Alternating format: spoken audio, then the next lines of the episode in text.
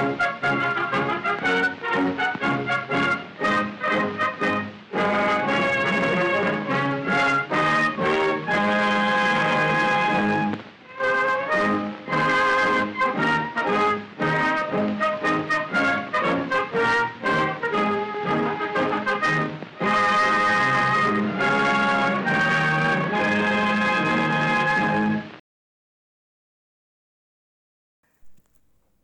Set Night Talk. Let's sit, talk, and enjoy.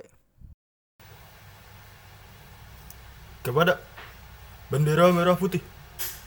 Hormat, gerak. Tegap, gerak. Lapor.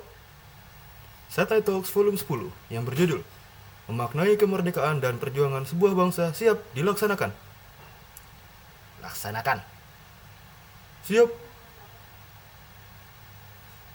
Kepada nice people yang terhormat, dimohon untuk mendengarkan secara seksama dan bersama-sama.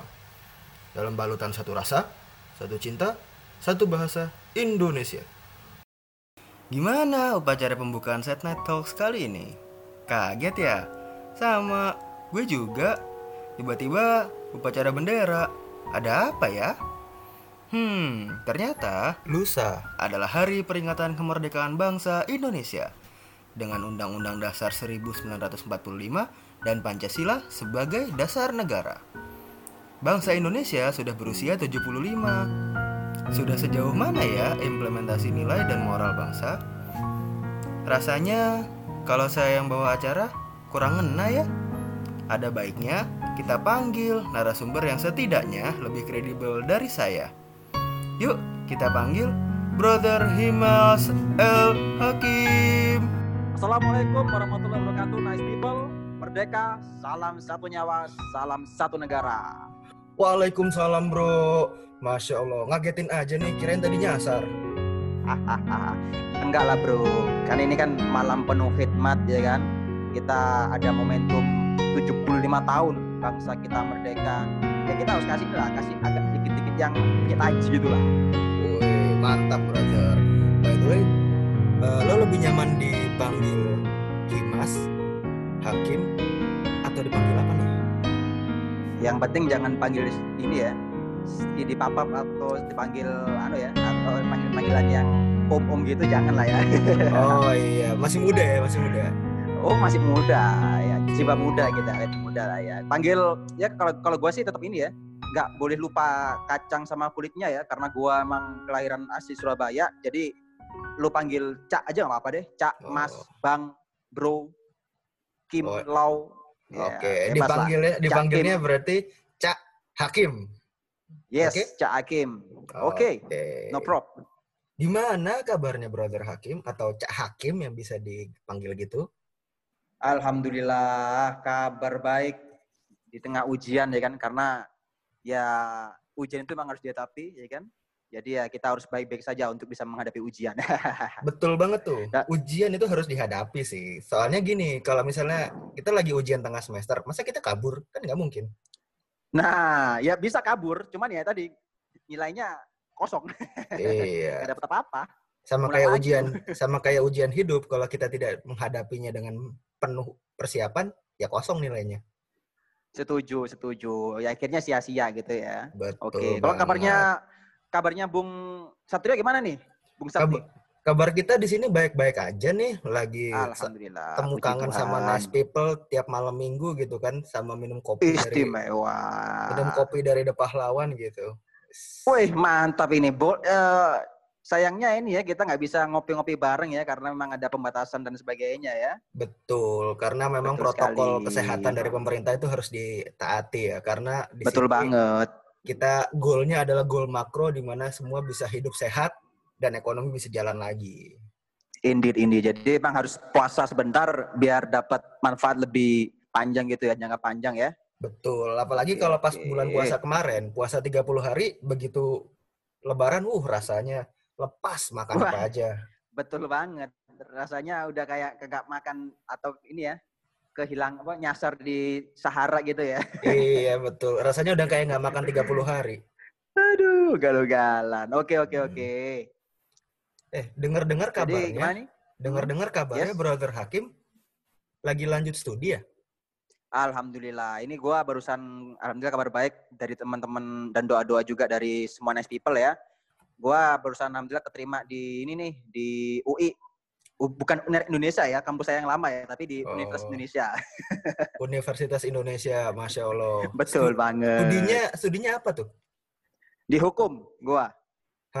Dihukum. Dihukum. Abis- Iya, abis dihukum bikin- lagi gua. Abis bikin Kemarin kesalahan apa? dihukum, sekarang dihukum lagi. Nah, kemarin dihukum lima tahun, sekarang dihukum lagi gitu ya. Iya, asalkan nggak dihukum lama-lama ya. Nah, untungnya ini bukan dihukum penjara ya atau dihukum Oh. sama pengadilan enggak ya, cuman di Fakultas Hukum. Alhamdulillah gua keterima di Magister Hukum, Ilmu Hukum. Jadi ya doa doakanlah semoga ini tinggal gue tinggal daftar ulang sih, tinggal daftar ulang Oh, bareng sama gitu. kawan-kawan yang lain dan insya Allah semester ini bisa masuk lah. Jadi biar segera kuliah lah ya. Oke, kita lanjut lah. Oh gitu. Jadi di magister hukum ya. Hampir aja tadi Yes, salah fokus. banget. Untung ada kopi de pahlawan. Cappuccino-nya seger banget. Waduh, hmm, aromanya. Gua gua kalau lo bilang kopi di Pahlawan tuh selalu inget di, di Pahlawan di Surabaya nih, bro. Uh, kangen gua, bro. Wah, kangen Sama- banget, Bro. Bener Kangen. banget, serius, serius, serius. Ini ini ini gua nggak di anu lo ya. Gua nggak disponsori lo ya ini.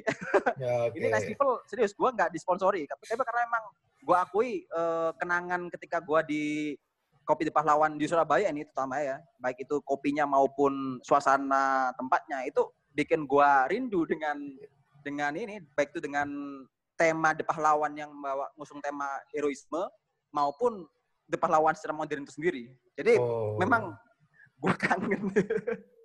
gua rindu dah. Oh, Oke oke oke. gitu. Jadi Terima kasih sudah mengingatkan saya pada kerinduan ya. mm, mungkin Satrio. mungkin di sini rindunya dengan orang-orang yang biasa diajak berdialektika kali ya. Teman-teman di Surabaya kan banyak tuh. ya banyak sih sebenarnya ya. Banyak kenangan, banyak memori. Tapi ya, Yes, life must go on lah ya. iya, We life must must move on. go. It's, uh, Oke, Kita tidak bisa terjebak di masa lalu terus ya. betul banget. Kalau terlalu lama melihat spion, ya nabrak kita. Cuman Mhm. jangan lupa bahwa ada spion itu juga penting, ya kan? Agar kita juga bisa Yes. melihat sedikit ke belakang. Termasuk kita Betul. membahas masalah kemerdekaan sih menurut gua. Hmm, berarti cocok sama pernyataannya Bung Karno ya yang jas merah. Betul banget. Jangan Betul sekali-sekali banget. Melupakan sejarah. Bener banget, jangan sekali-sekali berpikir ada jas merah, ada jas putih, ada jas hijau ya kan, bahwa banyak banget sebenarnya hal yang bisa kita pelajarin dari masa lalu. Meskipun sekali lagi itu tidak boleh membuat kita terpenjara atau terjebak dengan masa lalu, ya kan? Kayak ini nih, contoh nih ya, biasanya yang viral nih eh, klub bola ya. Oh, klub gua dong juara sekian belas kali. Oh, klub gua dong treble winner. Wah, itu kan masa lalu. Eh, Sekarang move on ya. kalah. Move on, move on, move on. Move on. Itu kayak Itu ceritanya kayak klub-klub Real Madrid, Barcelona, Nah, MU. itu, bro. Sejarahnya kenceng tapi sekarang juara juga AC jarang. Milan, Inter Iya. Milan, aduh, iya, pasti ini orang-orang zaman old nih. Iya, penggemar-penggemarnya udah punya anak semua kayaknya. Nah itu dia, udah Hmm. cucu-cucu nih. Iya. Oke lah, gitulah. Oke, by the way, Bro Hakim atau Cak Hakim, Yes yes. Dengar-dengar lo selain menekuni bidang hukum juga sedikit banyak tahu tentang sejarah kemerdekaan Indonesia ya. Ceritain dong. Ya alhamdulillah, ya alhamdulillah sih, eh, karena kan skripsi gua juga berkaitan sama ini ya, sama konstitusi Indonesia. Jadi sedikit banyak gua pribadi juga mau nggak mau harus belajar tentang bagaimana proses pembuatan konstitusi konstitusi Indonesia itu sendiri, Undang-Undang Dasar 45 ya, di mana Hmm. eh, undang-undang dasar ini yang kemudian ya dalam sejarahnya berubah-berubah ada undang-undang RIS dan sebagainya undang-undang yang lain sehingga akhirnya pada 5 Juli itu eh, Presiden Soekarno mengembalikan kembali undang-undang dasar 45 ya kan kembali ke undang-undang 45 dan juga tanda kutip menutup perdebatan eh, ideologis ya antara kaum nasionalis, kaum Islamis dan kaum sosialis terkait masalah ideologi negara. Dan di situ Bung Karno secara negarawan ya beliau gua akuin bijak banget beliau. Jadi ibaratnya apa ya? eh, kayak ngasih ulti gitu ya kalau di game itu ya. Game apa Iya. gerakan gerakan ulti itu ya. Iya, ultimate Gerakan finisher, finishing move. Nah, gerakan finishing gitu ya. Iya. Itu menarik karena beliau menyatakan kita intinya ya, yang intinya adalah mengembalikan konstitusi ke Undang-Undang 45, ya kan? Di mana di situ adalah eh, undang-undang ini hasil dari apa ya? hmm, hasil pemikiran seluruh yang hasil pemikiran yang merepresentasikan bangsa Indonesia kemudian beliau juga menegaskan bahwa piagam Jakarta yang diusung oleh eh, ka- kalangan Islamis itu menjadi jiwa yang menjiwai dan satu bagian dari Undang-Undang Dasar 45. Jadi tetap diakuin dua-duanya itu. Yang Oh. satunya sebagai eh, dasar hukum bernegara kita, yang satunya sebagai jiwa, spirit yang juga menjiwai konstitusi. Jadi ibaratnya kayak jiwa raga gitulah ya. Jadi memang eh, menurut gua sih eh, sangat menarik banget kalau kita bicara masalah bagaimana proses kemerdekaan, kemudian kemerdekaan itu sendiri, termasuk juga pasca merdeka eh, hingga hari ini ya. Ini, ini menarik banget buat kita sedikit banyak bahas lah, refleksikan di momen yang penting ini. Itu sih menurut gua reflek- eh, eh, apa relevansi gua bicara masalah kemerdekaan karena tadi gua skripsi gua tentang konstitusi soalnya nih. Weh, cocok Jadi ya? mau nggak mau harus belajar. Cocok ya. Insya Allah cocok lah ya. Nanti Tapi- kalau eh, tapi- nice people ada, yes yes. ya. Tapi jadi pertanyaan nih satu nih ya. Kenapa sih Indonesia itu lebih memilih merdeka gitu ya? Sedangkan Mm-mm. ada beberapa negara tetangga yang mungkin teman-teman nice people bisa baca juga, ada yang lebih memilih untuk menjadi negara persemakmuran. Contohnya Malaysia atau mungkin Australia kayak gitu, Mm-mm. atau mungkin Papua Nugini. Memang bedanya di mana? Ya, oke. Terkait pertanyaan ini ya, ini menarik juga sebenarnya ya.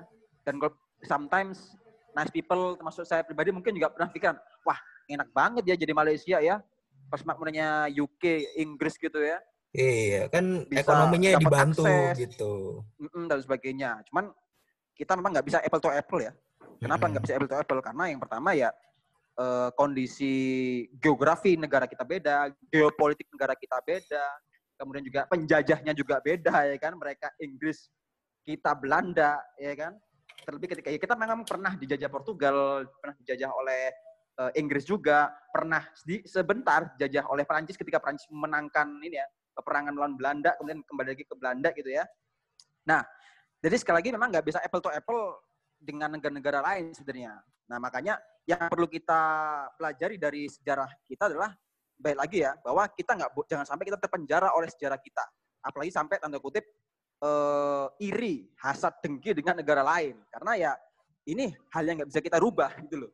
Kita nggak bisa memilih siapa yang menjajah kita kan, sebagaimana kita nggak bisa memilih di mana eh, dengan orang tua siapa kita lahir seperti itu.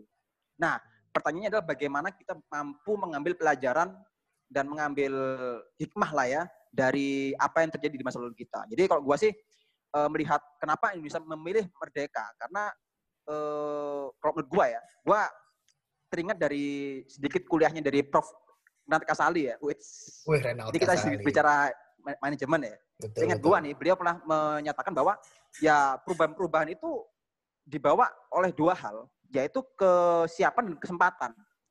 Nah, kalau menurut gua dari apa yang disampaikan oleh beliau, Indonesia saat itu di tahun 40-an itu ya, itu sudah punya keduanya, yaitu kesiapan dan kesempatan. Jadi jangan dikira bahwa Indonesia ini apa ya eh, lemah, kemudian harus nunggu nunggu kemerdekaannya dikasih sama Jepang lah dan sebagainya, ya kan? Enggak, karena kita sebagai negara bangsa, nation state itu sebenarnya sudah punya kesiapan. Meskipun kesiapan itu ada yang sifatnya masih eh, terpecah-pecah ya, ya kan? Artinya terpecah ya cuman di Sumatera doang, cuman di Jawa Tengah doang, cuman di kerajaan ini, kesultanan ini sebagainya ya. Kecepatan itu sebenarnya sudah ada. Nah, tinggal masalahnya kesempatannya belum ada. Nah, ya takdir Allah ya.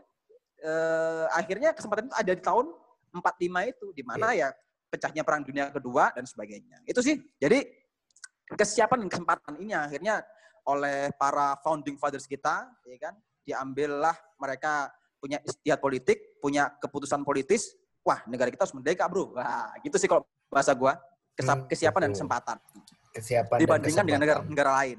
Betul, betul. Yes, Jadi lebih baik kita bersyukur dan memanfaatkan kemerdekaan yang sudah kita dapat daripada kita memilah alasan kenapa kok dulu nggak milih persemakmuran aja daripada merdeka. Nah itu dia, eh, karena ya kita nggak we- don't have the choice sebenarnya. Itu Iya. bahasanya itu lu mau milih A B C D, lu mau cari jawab jawaban Z, ya kagak ada coy. iya, iya, iya. Kecuali esai ya baru bisa Gitu. ya. Esai pun juga tet- tetap terikat dengan pertanyaannya kan ya. Iya, Nggak bisa betul, kita betul. esai tentang kemerdekaan kita jawabnya tentang fisika. Ya kakak nyambung Iya. coy. Iya, oke. Oke. Itu sih. Tapi tapi tadi lo bilang tentang persiapan dan kesempatan. Berarti kan seenggaknya para founding father bangsa kita ini sebenarnya udah siap gitu. Tapi Mm-mm. sebuah tim yang siap pun juga akan kalau bergerak pun juga butuh sebuah trigger gitu, butuh sebuah dorongan. Indeed, Ja- indeed. Yang jadi pertanyaan nih ya, kejadian apa yang jadi trigger bagi para founding father negara kita atau para pendiri bangsa kita? Gitu kan. Wah, ini saatnya nih udah saatnya kita merdeka nih. Itu apa? Kejadian apa? Eh, kalau kesempatan itu ya artinya trigger yang baik itu trigger eksternal terutama kita bicara ya karena kalau internal itu sebagaimana saya gua gua tadi sampaikan sampaikan ya bahwa eh, trigger internal itu sudah banyak banget. Bahkan sejak para penjajah baik itu negara mana pun lah ya termasuk Jepang sekalipun dengan adanya ini ya peta dan sebagainya itu kita secara trigger internal pengennya pengen merdeka gitu ya. Tetapi ternyata trigger secara makro secara global itu ada kan ketika ya Jepang dinyatakan sebagai negara yang kalah perang ya kan ketika bom eh, Hiroshima dan Nagasaki itu dijatuhkan ya bom atomnya oleh Hmm. US ya kan? Yang akhirnya itu membuat eh, kesempatan itu terbuka secara lebar bahwa wah ini ada kesempatan nih. Nah, kesempatan dalam kesempitan ya kesempatan buat Indonesia dan kesempitan buat Jepang. Kan awalnya kan kalau kita tahu ya baca baca di banyak literatur sejarah kan Jepang juga melunak kan ya di eh, ta- eh, tahun 45 itu ya Agustus itu dengan membentuk BPUPKI, membentuk PPKI, memanggil para founding fathers kita ke Jepang dan sebagainya. Itu kan bentuk yang cukup kooperatif dari Jepang. Melunak mereka. Tetapi kemudian kita melihat bahwa wah ini kalau kita tanda kutip tunduk mulu sama penjajah kita, ya kagak kelar-kelar karena kalau kita bicara, bicara secara politis, mereka juga butuh yang namanya tanda kutip ya negara atau daerah yang perlu dieksploitasi. Jadi kalau kalaupun eh, Jepang itu mau ngasih kita merde- kemerdekaan, pasti kemerdekaan juga kemerdekaan bersyarat itu. Katakanlah kemerdekaan bahwa oke Indonesia merdeka tapi tetap eh, ya tanda kutip persemakmuran Jepang gitu aja ya, Jepang cabang Pasifik gitu kan katakanlah ya. Jadi eh, ini membuat eh, para founding fathers kita melihat bahwa ya kita nggak bisa nunggu lagi, nggak bisa nunggu-nunggu Jepang asis dan sebagainya. Bodoh amat sama asis dari Jepang lah. Ya, ya emang Jepang orang tua kita apa? Enggak kan? Akhirnya mereka memilih untuk ya udah kita proklamasi aja lah. Apalagi kalau kita tahu ya secara sejarah ya para founding kita yang memiliki jiwa muda atau kalau kita lebih kenalnya itu golongan muda ya. Sekali lagi golongan muda ini secara kejiwaan ya karena memang faktanya ya nggak sedikit yang mereka secara usia cukup eh, cukup tua sih itu ya. tapi mereka memiliki eh, pemahaman yang mengebrak layaknya anak muda.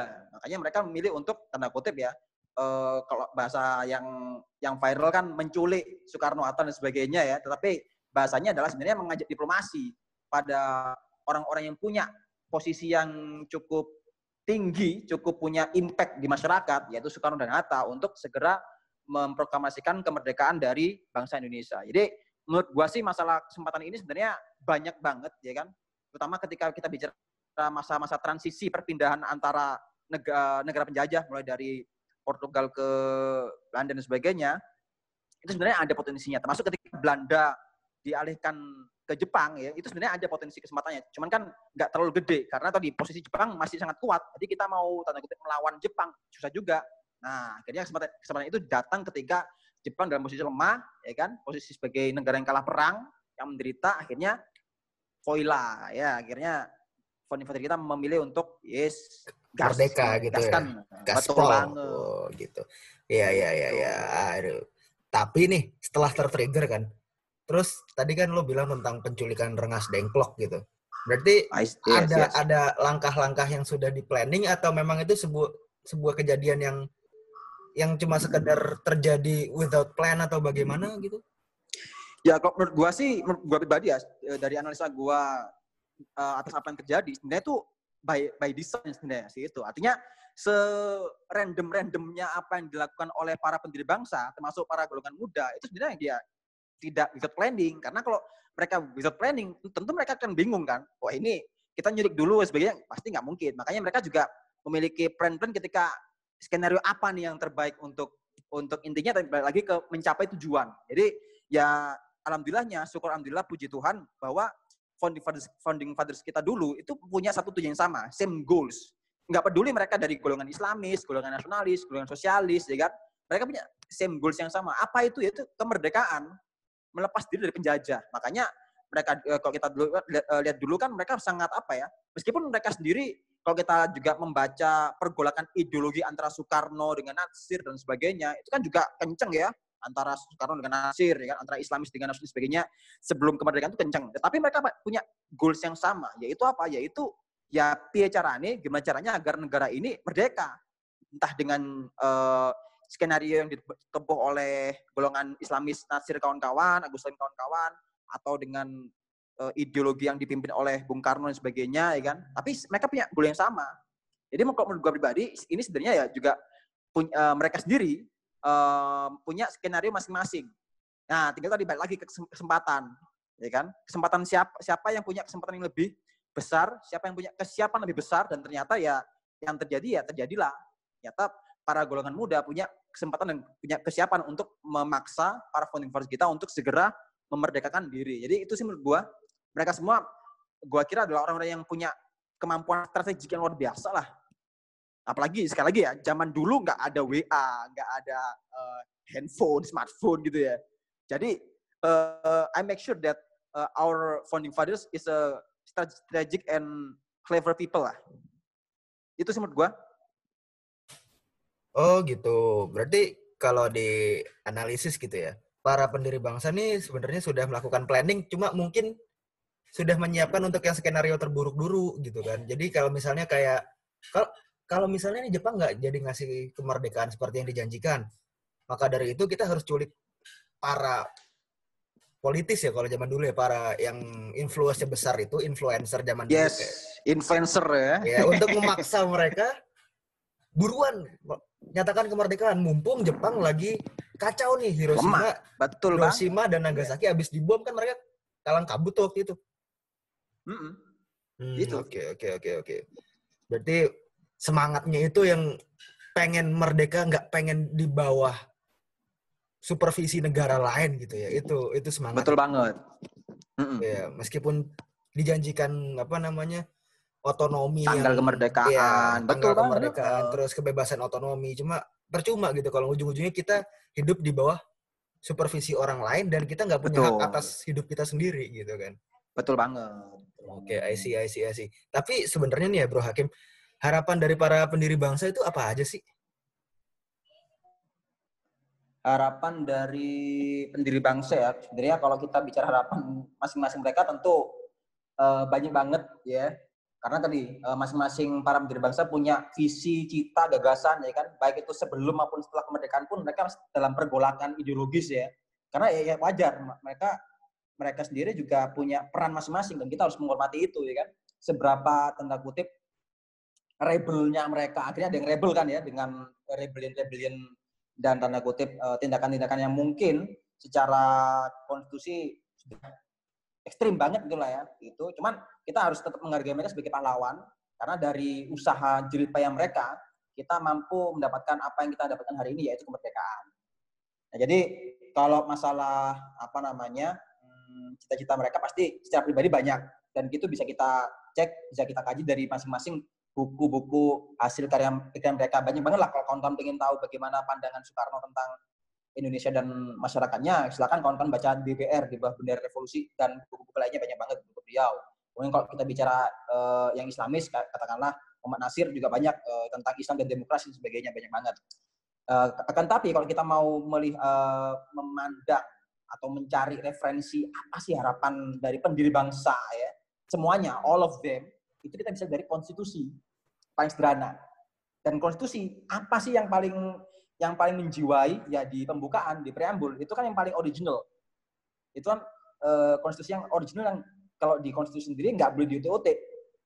Nggak bisa diutik-utik nggak bisa diganti yang namanya pembukaan tuh. Meskipun ya secara secara tanda kutip secara politis dan secara yuridis sebenarnya pasti ada celah sih. Dan itu itu mungkin akan kita bahas di bahasan yang lain ya itu bahasan yang agak sedikit hukum banget gitu ya.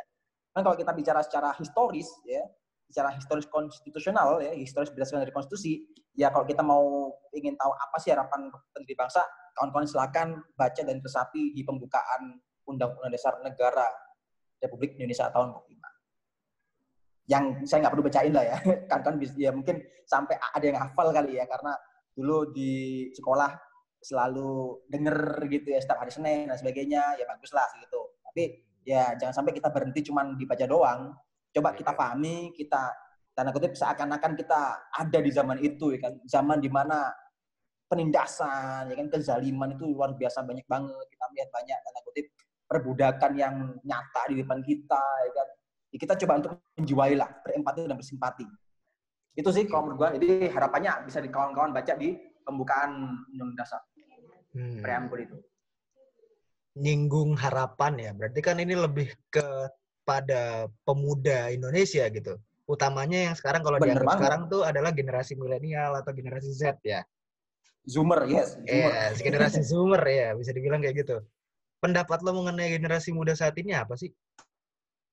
ya karena gua juga termasuk generasi muda saat ini ya ya kalau pendapat gua sih sebenarnya is as usual sebenarnya as usual dalam artian ya sebagaimana para pemuda di setiap zaman ya gua pernah pernah ada ini nih eh, bukan pepatah ya tapi kalimat dari orang yang eh, menarik menurut gua bahwa setiap generasi itu punya konstitusinya masing-masing oh ya dari Yudilatif dari Yudilatif, dari Yudilatif Yudilatif ini seorang tokoh tokoh kontemporer tokoh hari ini ya yang beliau juga bergerak di ideologi Pancasila.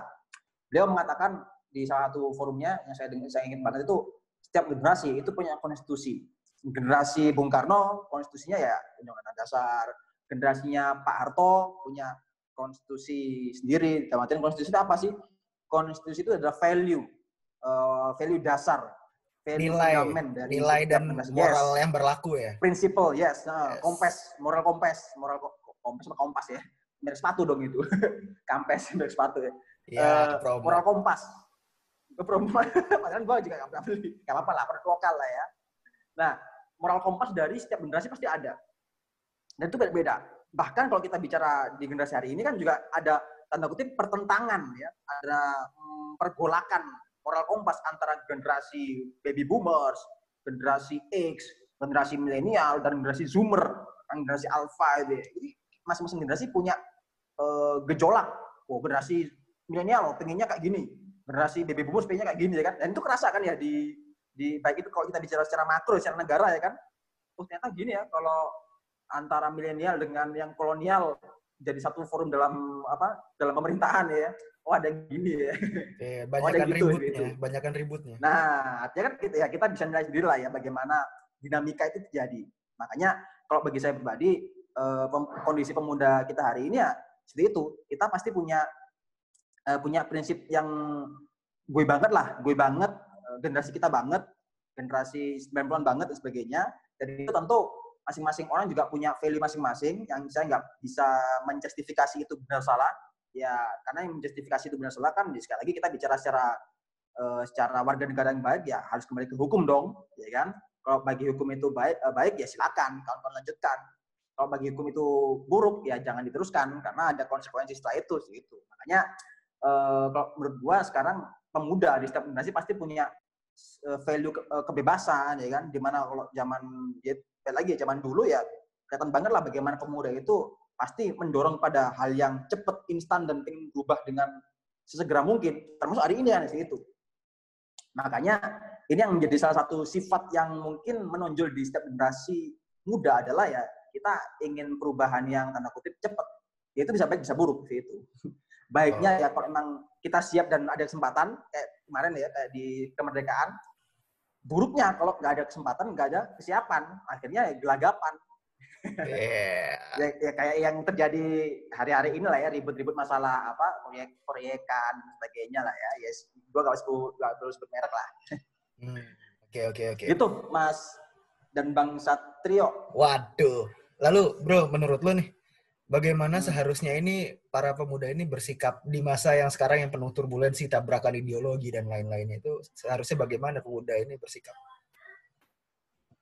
ya kalau gua baik itu gua menasihati diri saya sendiri ya termasuk mungkin nice people yang masih berusia dan berjiwa muda ya ya ini ini sekali lagi sebagai bentuk sharing-sharing dan penyemangat buat kita semua ya eh, sikap kita hari ini terutama dalam konteks kita sebagai warga negara Indonesia ya ya semoga tidak ada yang ingin pindah negara Eh, yang pertama tentu ya tetap harus ah, ja- menjaga semangat muda kita. Semangat muda kita dalam konteks ya sekali lagi eh, semangat muda itu tidak hanya melulu masalah usia. Termasuk juga kepemudaan itu nggak melulu masalah kanak-kanakan itu beda antara kemudian dengan kanak-kanakan childish gitu ya. Karena kalau kita bicara kepemudaan ya mu- pemuda itu mereka secara usia mungkin masih eh, belasan, 20 atau bahkan juga agak tua, tetapi secara pemikiran itu mature atau dewasa. Otherwise, nggak sedikit juga ada yang mereka yang usianya kolonial, tapi secara pemikiran masih immature atau masih childish gitu ya.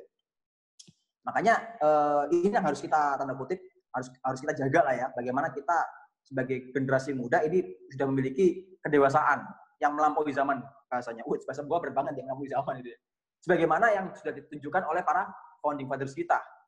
Mereka mungkin berusia serius dulu. Gua ketika membaca sejarah itu ngeri, Pak. Bagaimana nggak ngeri? Jenderal Sudirman, Bung Tomo itu usianya masih kepala dua ya. Nggak sampai 30. Tapi mereka sudah menjadi panglima dari tentara. Jadi, kalau dulu namanya bukan TNI, TKR dan sebagainya, BKR, TKR itu. Tapi mereka umur 20-an. Artinya apa? Artinya berarti mereka di usia-usia sebelum itu, usia belasan, bahkan usia sebelum belasan, usia muda, itu mereka benar-benar menempa diri buat kesiapan gitu loh. Jadi memperbanyak kemampuan mereka agar siap.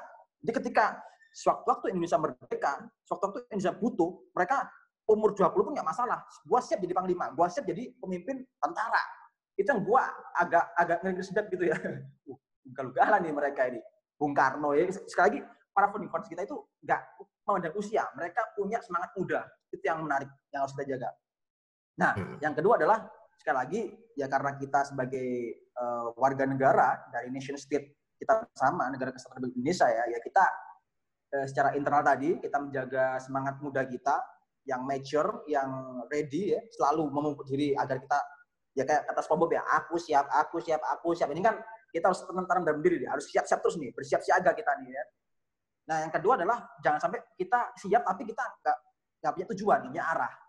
Nah, akhirnya kita terombang-ambing nggak jelas ya kan, yang malah kita tanda kutip eh, memilih untuk mendukung atau mendorong gerakan-gerakan, ya bukan gerakan, gerakan aja sih, gerakan, budaya, atau pemikiran yang ternyata justru melemahkan kemerdekaan Indonesia, melemahkan cita-cita menjauhkan, melemahkan dari apa yang diharapkan sama fathers kita. Itu yang bahaya gitu. Jadi bahasanya itu jangan sampai orang tua orang tua kita, mbah-mbah kita yang membangun rumah, kita yang sedikit-sedikit nyongkelin, ya kan, ngancurin rumahnya itu jangan sampai lah, ya kan. Minimal sejelek-jelek kalau lu nggak bisa nggak bisa bangun ya jangan dirusak. Gitu.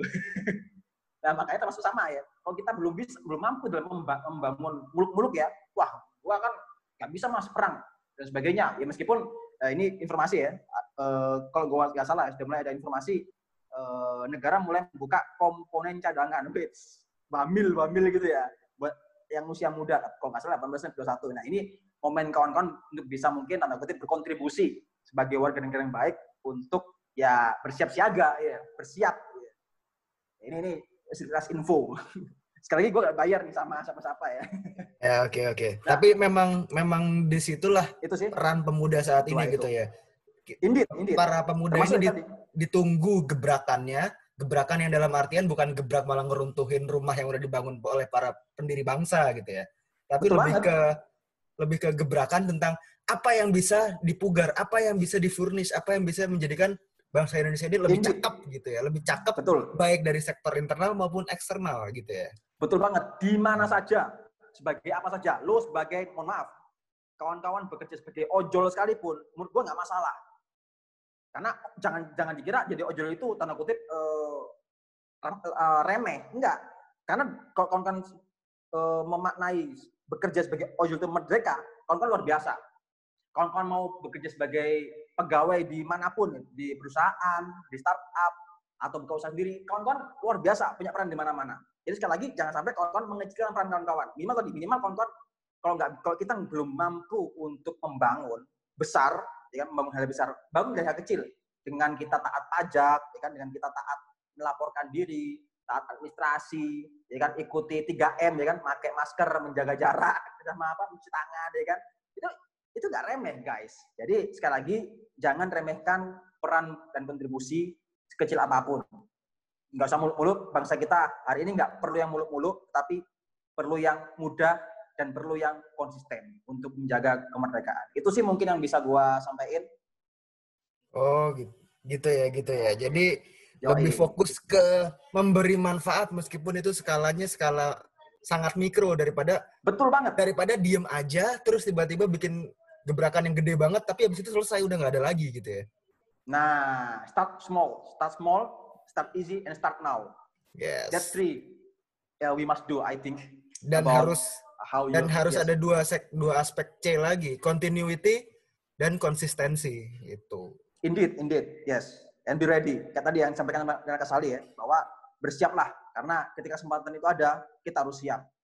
Dan itu yang membedakan kita generasi muda dan generasi yang yang tua, generasi milenial dan generasi kolonial, bahwa kita lebih siap dan harus siap. Betul banget. Itu sih Tuh. dari gua. Jadi eh, gua thank you banget sudah diajak diskusi sama Bang gak enak bang ya bang Sat gitu ya bang Satrio Bung Eh, Sat gitu ya Bro Sat Eh, image, jaga image, jaga image. Oke ya, ini nanti ntar bisa di ano ya di eh, diedit. Oke, eh, jadi itu dulu Bang yang lagi Bung Satrio, Bro Satrio. Gua thank you banget atas kesempatannya hari ini dan sekali lagi gua ucapkan dirgahayu kepada bangsa kita Indonesia yang sudah 75 tahun merdeka dan kita harap Indonesia akan terus merdeka sampai hari kiamat ya jangan sampai kita terjejah lagi karena terjejah itu berat cukup orang tua dulu aja yang ngalamin. Oke, saya kira cukup. Thank you banget, nice people. And gua izin cabut dulu ya, Bung Satrio. Thank you. Kita semoga ketemu bisa di lain kesempatan. Assalamualaikum dan salam satu nyawa, salam satu negara. Indonesia merdeka. Merdeka. Waalaikumsalam.